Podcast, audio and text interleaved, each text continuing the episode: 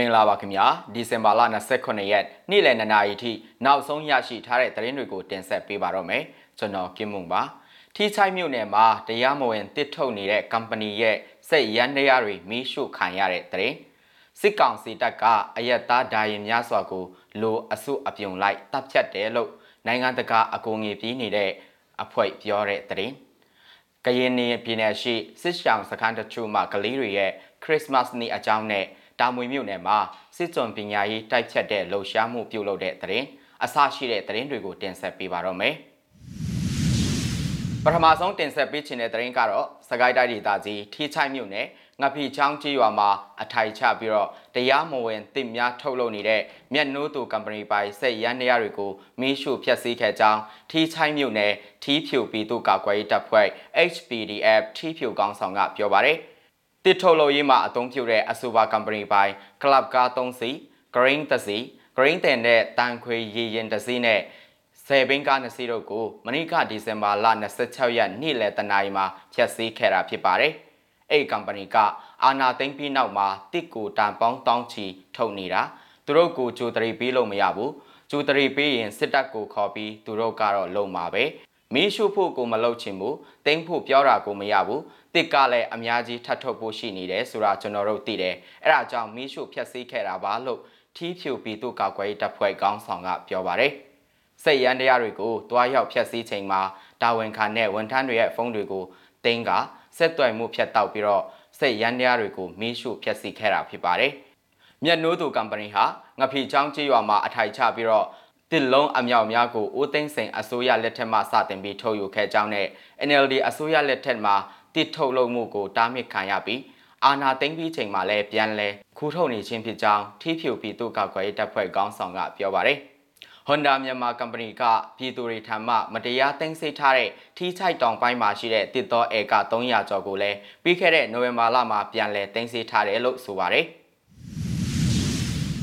နောက်ထပ်တင်ဆက်ပေးချင်တဲ့သတင်းကတော့မြန်မာအာဏာသိမ်းစစ်တပ်ကခရစ်စမတ်အကြိုနေ့မှာတိုက်ပွဲများမှရှောင်ပြေးနေကြတဲ့ရွာသူရွာသားအနည်းဆုံး35ဦးကိုတပ်ဖြတ်ပြီးရုပ်အလောင်းတွေကိုမိရှုခဲ့တယ်လို့နိုင်ငံတကာအကူအညီပေးရေးအဖွဲ့တရက်နဲ့အတိုက်အခံတွေကပြောဆိုပါတယ်။တပ်ဖြတ်ခံရသူတွေမှာမိမိတို့ရဲ့ဝန်ထမ်းနှစ်ဦးလည်းပါသွားဖွယ်ရှိတယ်လို့ Save the Children အဖွဲ့ကဆိုပါတယ်။ ကရပြည်နယ်မှာဖြစ်ပွားခဲ့တဲ့အဲ့ဒီဖြစ်စဉ်ရဲ့ဓာတ်ပုံတွေအရ Trump ကားသုံးစီးနောက်ဖက်အတွင်းမှာမီးလောင်ကျွမ်းထားတဲ့ရုပ်အလောင်းတွေကိုတွေ့ရှိရပါတယ်။ရုံပိတ်ရက်အိမ်ပြန်ရာမှာမိမိတို့ဝန်ထမ်းနှုတ်အသုံးပြုထားတဲ့ကားမှာလည်းအခင်းဖြစ်ရာမီးလောင်ကျွမ်းနေတဲ့ကားထဲမှာအပါဝင်ဖြစ်တယ်လို့ Save the Children အဖွဲ့ကပြောပါတယ်။အဲ့ဒီဝန်ထမ်းနှုတ်မှာလက်ရှိအထိပျောက်ဆုံးနေဆဲပဲလို့အဲ့ဒီအဖွဲ့ကဆိုပါတယ်။ အပြစ်မဲ့အရက်သားတွေနဲ့လူသားချင်းစာနာထောက်ထားရေးလှုပ်ဆောင်ပြီးမြန်မာနိုင်ငံတလွားကလိုအပ်နေတဲ့ကလေးငယ်တန်းပေါင်းများစွာကိုကိုငီထောက်ပံ့ပေးနေတဲ့ကျမတို့ဝန်ထမ်းတွေအပေါ်အကြမ်းဖက်တိုက်ခိုက်လာတာအတွက်ကျမတို့ထိတ်လန့်တုန်လှုပ်ရပါတယ်လို့ Save the Children ရဲ့အမှုဆောင်အရာရှိချုပ်အင်္ဂါအရှိုင်းကစနေနေ့ကထုတ်ပြန်ချက်မှာပြောပါတယ်အခုဖြစ်စဉ်မှာကားတွေကအမင်အတိုင်းစစ်ဆေးမှုခံယူရန်ရပ်တံပေးခြင်းမရှိဘဲ အုပ်စုအရင်းမှအကြမ်းဖက်သမားတချို့ကစစ်သားတွေကိုပြစ်ခတ်လို့ပြန်လည်ပြစ်ခတ်တာဖြစ်တယ်လို့တောက်ကြနေ့မှာစစ်အာဏာသိမ်းအုပ်စုကထုတ်ပြန်ပါတယ်။ကားနဲ့ရုပ်အလောင်းများမီးလောင်ကျွမ်းနေခြင်းနဲ့ပတ်သက်ပြီးအဲ့ဒီထုတ်ပြန်ချက်မှာဖော်ပြထားခြင်းမရှိပါဘူး။စစ်တပ်ကပြောခွင့်ရသူတအုပ်ထံတနင်္ဂနွေနေ့ကထင်မြင်ချက်ပေးဖို့ကြိုးစားပြီးမဲ့ဆက်သွယ်ရွေ့မရပါဘူး။မြန်မာနိုင်ငံဆိုင်ရာအမေရိကန်တန်ယုံက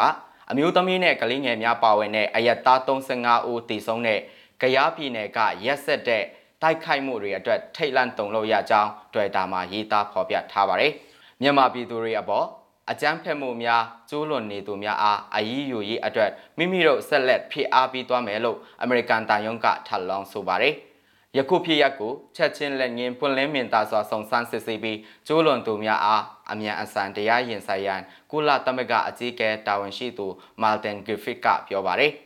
ယခုတပ်ဖြတ်မှုဟာနိုင်ငံတော်ရဲ့မြို့တော်နေပြည်တော်မှအရှိတောင်ဘက်မိုင်150အကွာခန့်ကရားပြည်နယ်အရင်းကစစ်တပ်ထိန်းချုပ်ရာ area အနီးဖြစ်ပွားခဲ့ခြင်းဖြစ်ပါတယ်။ဖရိုဆိုမြို့နယ်မူဆိုခရီယန်ရွာအနီးတောက်ကြနေ့နာနယ်ပိုက်ကဖြစ်ပွားခဲ့တဲ့မီးရှို့တပ်ဖြတ်မှုမှာအနည်းဆုံး38ဦးသေဆုံးရတယ်လို့ Save the Children အဖွဲ့ကပြောပါတယ်။အာဏာသိမ်းပြီးနောက် ရွေးကောက်ခံတာဝန်ရှိသူတွေအနေနဲ့ဖွဲ့စည်းထားတဲ့ NUG အစိုးရကယခုတပ်ဖြတ်မှုမှာတည်ဆုံးသူဦးရေကို35ဦးမှ40သို့ထပ်တူထုတ်ပြန်ခဲ့ပါရခင်ဗျာ။နောက်ထပ်တင်ဆက်ပေးချင်တဲ့သတင်းကတော့ကရင်နေပြည်နယ်ကြေးရွာတချို့မှာရှိတဲ့စစ်ဘေးဆောင်စခန်းတွေကိုတွားရောက်ပြီးတော့ကလေးများအတွက်ပျော်ရွှင်စရာခရစ်စမတ်နေ့အားဒီဇင်ဘာလ25ရက်ခရစ်စမတ်နေ့မှာ Clean ရန်ကုန်အဖွဲ့သားတွေကဖန်တီးပေးခဲ့ကြပါတယ်။